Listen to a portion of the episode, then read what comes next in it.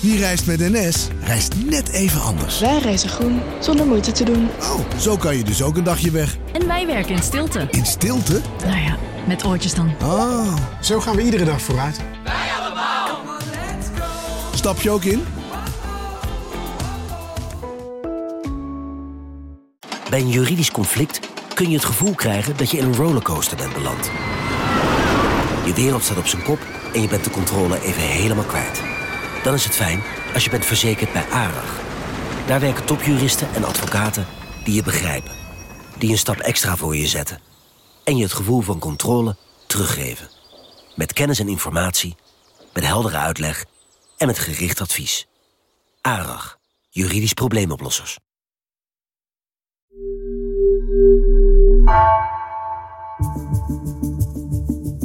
Vanaf de redactie van NRC het verhaal van vandaag. Mijn naam is Egbert Kalsen.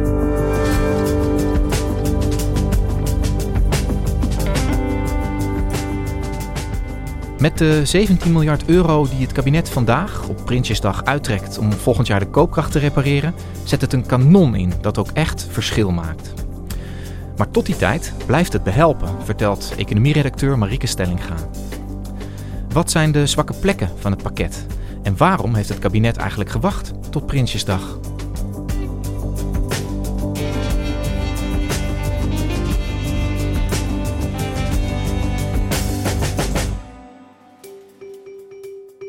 Marieke, het is uh, de derde dinsdag in september vandaag. Dat betekent Prinsjesdag. Een dag vol met uh, tradities. Uh, nou, Den Haag staat er bol van. Over het algemeen ook een dag zonder al te grote verrassingen. Maar dit jaar is alles anders, geloof ik, hè? Ja, wat normaal een soort PR-show is. Hè? Niet alleen de hoedjes en de gouden koets, maar ook miljarden deelt het kabinet uit extra aan. Nou, you name it, de politie. Uh, een procentje koopkracht hier en daar. Iedereen gaat erop vooruit, zegt uh, het kabinet dan. Of laat dat de koning voorlezen in de troonrede. Ja, dat is dit jaar totaal anders. Nu is het hozen. Het is hozen voor gewone mensen om hun te helpen bij hun energierekening. De energieprijzen die maar blijven stijgen. De grote zorgen die daarover zijn. Maar het is ook hozen voor het kabinet zelf. Want die heeft zich de afgelopen weken echt wel in de hoek geschilderd. En heeft echt te kampen met een uh, vertrouwensprobleem op dit moment. Ja, zware, zware opdracht, uh, zowel richting de burgers als richting hunzelf. Um, afgelopen vrijdag lekte uh, traditioneel misschien ook wel uh, het grootste deel van de plannen die ze vandaag presenteren al uit. Goedenavond. De maatregelen zijn historisch in omvang. Dat schrijft het kabinet zelf in de miljoenennota van volgend jaar. Er komt een miljardenpakket waarmee het kabinet mensen wil helpen om de hoge energieprijzen en hogere levenskosten te kunnen betalen. Jij hebt daarnaar gekeken en ja. een van de grote dingen die opviel was uh, een enorm pakket, een enorme bak met geld, 17 miljard, ja. om de inkomens van mensen te repareren. Ja. Wat voor maatregelen heeft het kabinet genomen zeg maar, om ons te helpen? Ja. ja, het is inderdaad een groot pakket. Zo groot heb je ze niet uh, vaak gezien. Nou, ze doen het eigenlijk die hulp aan mensen die in koopkrachtproblemen komen. Met de levenskostencrisis is het al genoemd. Vind ik een uh, uh, treffend woord daarvoor. Uh, op twee manieren. Eén, ze verlagen opnieuw de belasting op energie uh, op grote schaal. Dat is een heel groot onderdeel van het pakket. Dat doen ze tijdelijk. En twee, ze stutten de inkomens. Met name aan de onderkant. Het minimumloon gaat met 10% omhoog. Daarmee gaan ook alle uitkeringen mee omhoog. Toeslagen gaan omhoog belastingen omlaag. En dit alles is bedoeld om te zorgen dat mensen, let wel, vanaf 1 januari 2023, er in inkomen zodanig op vooruit gaan dat ze deze koopkrachtcrisis aankunnen, dat ze in hun inkomen omhoog gaan en die hogere prijzen beter kunnen leiden. Een aantal maatregelen die ze ook dit jaar al namen om mensen te stutten uh, bij deze hoge prijzen, zoals een verlaging van de energiebelasting, zetten ze door ook de energietoeslag. Dat is een nieuw bedacht instrument. Uh, dat is eind vorig jaar bedacht. En dat is 1300 euro geworden uiteindelijk dit jaar. En dat is voor mensen tot het sociaal minimum. Die krijgen dat. En dat is echt bedoeld om, ja, als je echt op heel weinig inkomen hebt, uh, kan je daarmee toch die klap op je energierekening misschien wat beter dragen. Um, en die zetten ze volgend jaar weer door. Dus die gaan ze nog een keer geven. Ja, dus dat is een heel pakket, heel veel geld. En ze moesten ook wel, hè, want het Centraal Planbureau had, had voordat deze plannen allemaal bekend waren laten zien dat de koopkracht gigantisch omlaag zou ja, gieren voor min een hoop 7 mensen. procent. Gemiddeld min Ja, 7, ja. is heel veel.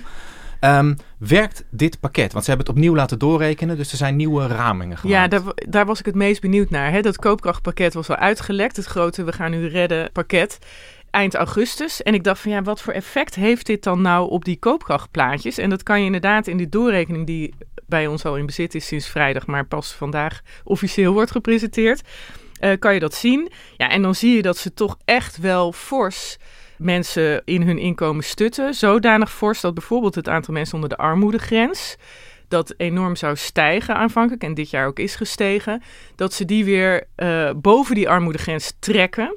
En op zo'n danige manier dat uh, het aantal mensen onder de armoedegrens in 2023, dus volgend jaar, lager is dan 2021, dus vorig jaar. Dus daarmee geven ze echt wel een, um, een klap erop, uh, om het zo maar te zeggen. En uh, mensen stutten ze echt wel op grote schaal. 17 miljard euro in zo'n pakket stoppen op Prinsjesdag voor de koopkracht is ook, het gaat meestal om miljarden. Dus dat is ook echt wel groot. En je ziet het ook, het CPB de economen van het Centraal Planbureau, die doen allemaal doorrekeningen. Uh, die heeft voor de zomer een stresstest gedaan. Hoeveel huishoudens kunnen in problemen komen door deze hoge energieprijzen? En hebben ze allemaal donkere scenario's en betere scenario's doorgerekend. Uh, toen kwamen ze op uh, meer dan een miljoen huishoudens. En in deze doorrekening zeggen de economen dat ze dat halveren. dat ze naar een half miljoen gaan. Maar ze maken dus van die min 7 ongeveer 4 procent ja. uh, weer uh, goed. Iets meer dan de helft wordt volgend jaar weer gerepareerd, ja. zou je kunnen ja. zeggen. Ja. En dit allemaal op basis van aannames over de gasprijs. Ja, want daar wil ik het met je over hebben. Neem ons eens mee. Wat zijn de grote onzekerheden bij deze cijfers? Voordat iedereen denkt dat hij volgend jaar uh, 4% extra op zijn bankrekening krijgt. Ja, nou die zijn behoorlijk. Want ze, ze hebben nu de gasprijs aangenomen voor volgend jaar zoals die in de markt wordt verwacht. Hè. Er wordt nu gehandeld tussen marktpartijen en die gaan eruit van volgend jaar komt de gasprijs op ongeveer dit uit uit. En dan komen ze op deze cijfers. Maar ze hebben ook doorgerekend de gasprijs die veel hoger ligt. Ja, en dan kom je echt wel op uh, hele andere cijfers uit. Ik zei net plus 4% in koopkracht bijna. Dat wordt plus 1,1.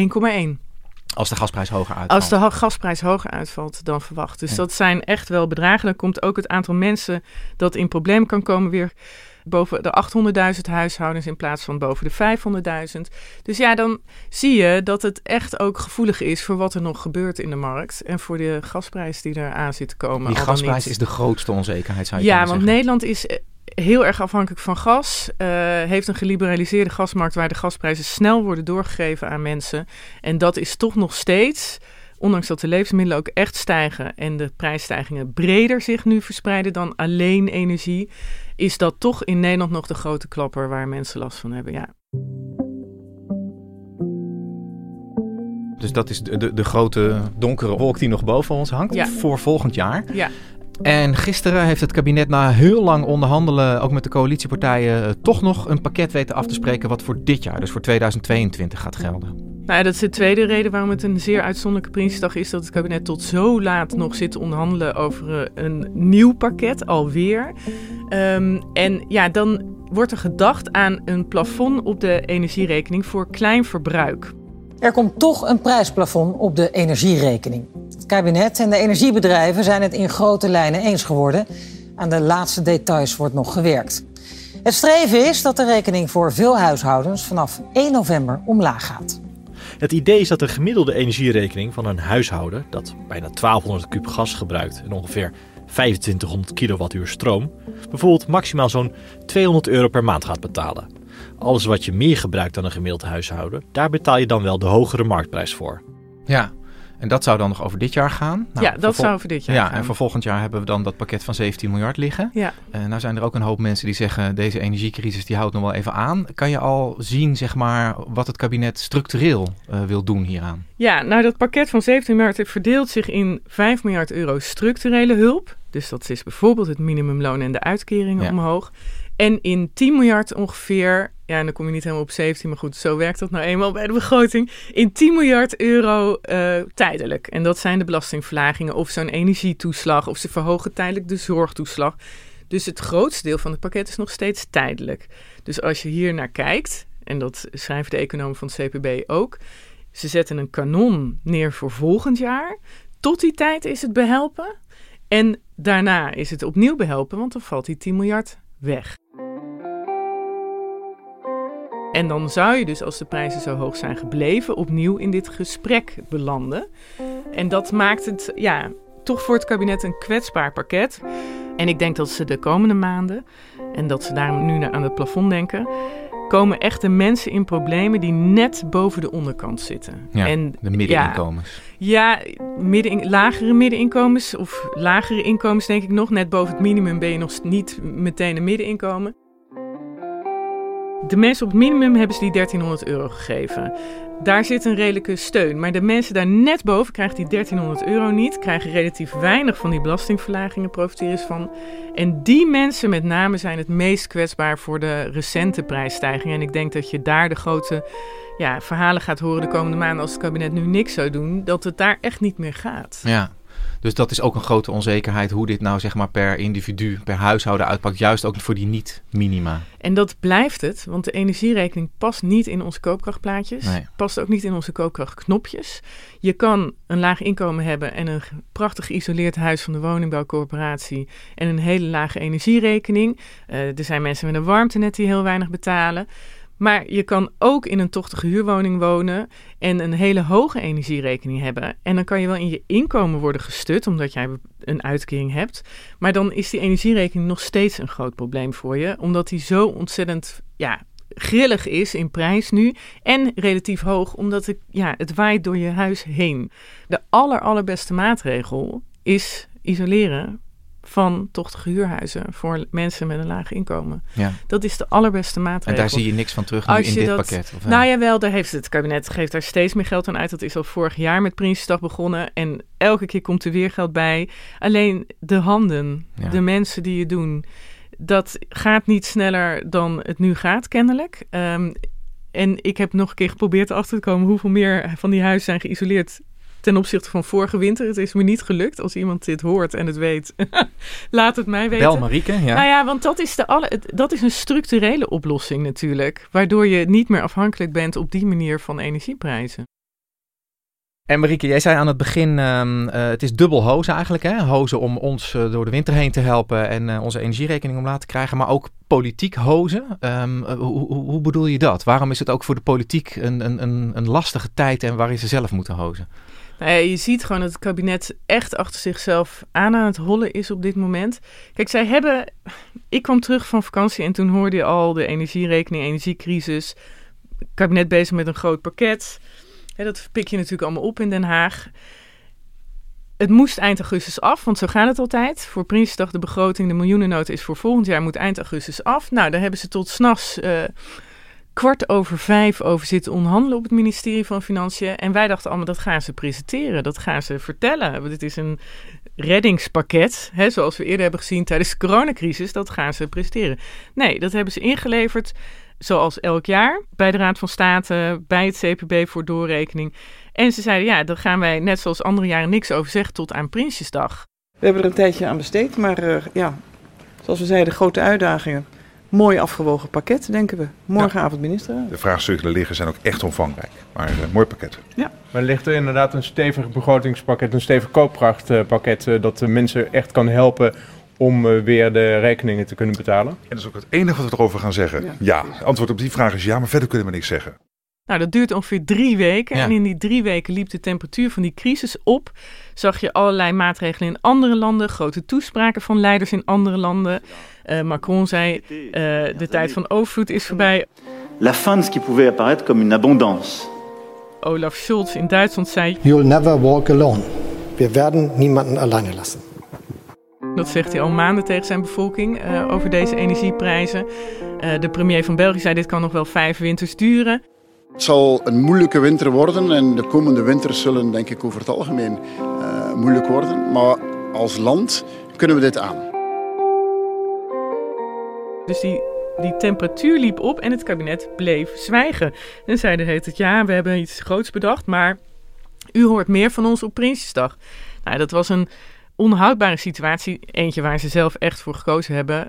En dat rare zwijgen in die drie weken heeft ze denk ik echt wel beschadigd. En ehm, ook de temperatuur is daarna zo opgelopen. Die energiecrisis is verergerd dat hun pakket van eind augustus kennelijk alweer achterhaald is. Ja. En er dus meer moet gebeuren nu. En jij zegt ze hebben zichzelf beschadigd. Hoe, hoe, hoe bedoel je dat? Uh, nou ja, je ziet overal dat ze proberen te repareren nu. Dus uh, ze gaan op televisie vertellen dat ze echt wel bezig zijn. Uh, Mark Rutte gaat nu met mensen praten die in problemen komen over hun energierekening. En zegt daarbij op Twitter, dat raakt ons. Hey, je ziet dat ze proberen in te halen hun mantra van ja, u hoort meer van onze Prinsjesdag om te laten zien, het maakt ons natuurlijk heel veel uit hoe het gaat met mensen en hun betalingsproblemen. Ja, maar ze hebben de urgentie ervan duidelijk niet goed aangevoeld, is wat jij zegt. Nou, ik denk, ja, ik denk niet de urgentie van een boodschap geven aan het land. we laten u niet in de steek. Zo'n zo'n soort boodschap die ze in de coronacrisis natuurlijk ook meteen hebben mhm. gegeven, economisch gezien. Uh, die boodschap hadden ze eerder moeten geven. Ze hadden eerder moeten erkennen dat dit een groter probleem is dan hun koopkrachtpakket aan kan. En ja, ik denk, maar goed, dat is makkelijk praten vanaf de zeilen. Je had misschien een half jaar geleden al moeten doordenken... wat als die energieprijzen tot hysterische hoogte stijgen. Niet een heel raar scenario met Poetin die mm altijd met zijn hand aan de gaskraanknop zit. Stel, hij doet dat ding dicht, die prijzen stijgen tot hysterische hoogtes, het wordt winter. Heb ik dan een plan? Kan ik er dan komen met mijn mantra... we hebben de belasting op energie verlaagd en 1300 euro energietoeslag? En ik denk, als je dat een half jaar geleden had doordacht dan was je misschien eerder tot dit soort opties gekomen die je niet op het laatst hoeft uit te onderhandelen, maar die je dan al een beetje voorbesproken had met energiebedrijven of met het kabinet of wat dan ook. Uh, nou, we kunnen vaststellen dat ze, dat ze die scenario's misschien niet al te goed hebben doorgedacht het afgelopen half jaar. Um, terug naar vandaag. Wat voor Prinsjesdag gaat het worden, denk jij?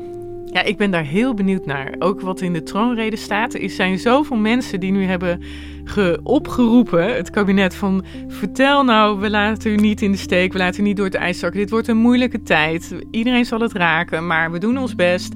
Ja, Rutte houdt niet van grote woorden. Uh, volgens mij moet je hem ook echt in het torentje duwen om zo'n toespraak voor de televisie te gaan houden als hij tijdens corona deed. Maar ja, je zou toch verwachten dat er zo'n soort boodschap komt. Ja, het raakt ons. Het raakt echt miljoenen huishoudens. Ja, ja. het is wat dat betreft echt, zei laatst een econoom in de krant in een stuk wat schreef, een monster dat langzaam de huiskamers binnensluipt en echt op een schaal mensen raakt die we niet in eerdere crisis hebben gezien. Zoals tijdens de financiële crisis. Die gingen veel langzamer. Dit begint echt op het bord van mensen, letterlijk in de warmte in hun huis. Ja. En ja, het is denk ik toch een hele pijnlijke Prinsjesdag. Hè? Pijnlijk voor mensen, pijnlijk vanwege de onzekerheid met die energierekening. Maar toch ook pijnlijk voor een kabinet. Dat ik denk, wilde een feestelijke Prinsjesdag aanvankelijk hebben voor deze crisis. Want daar kwamen voor het eerst hun eerste Prinsjesdag al die miljardenplannen die ze al hadden in het regeerakkoord. Groot pakket gemaakt voor koopkracht. En dan toch zo nog op het eind naar de finish struikelen. En uh, te laat reageren. Pijnlijk.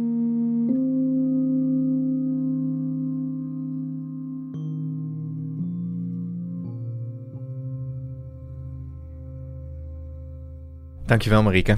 Graag gedaan.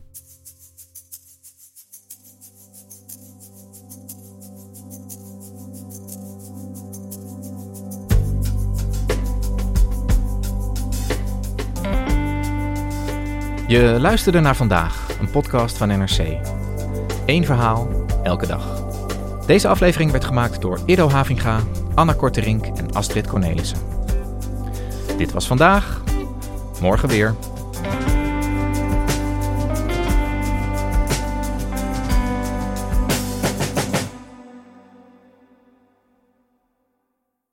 We zijn heel benieuwd wat jij van onze podcasts vindt. Je helpt ons enorm door een korte vragenlijst in te vullen op nrc.nl/slash podcastonderzoek. Dankjewel.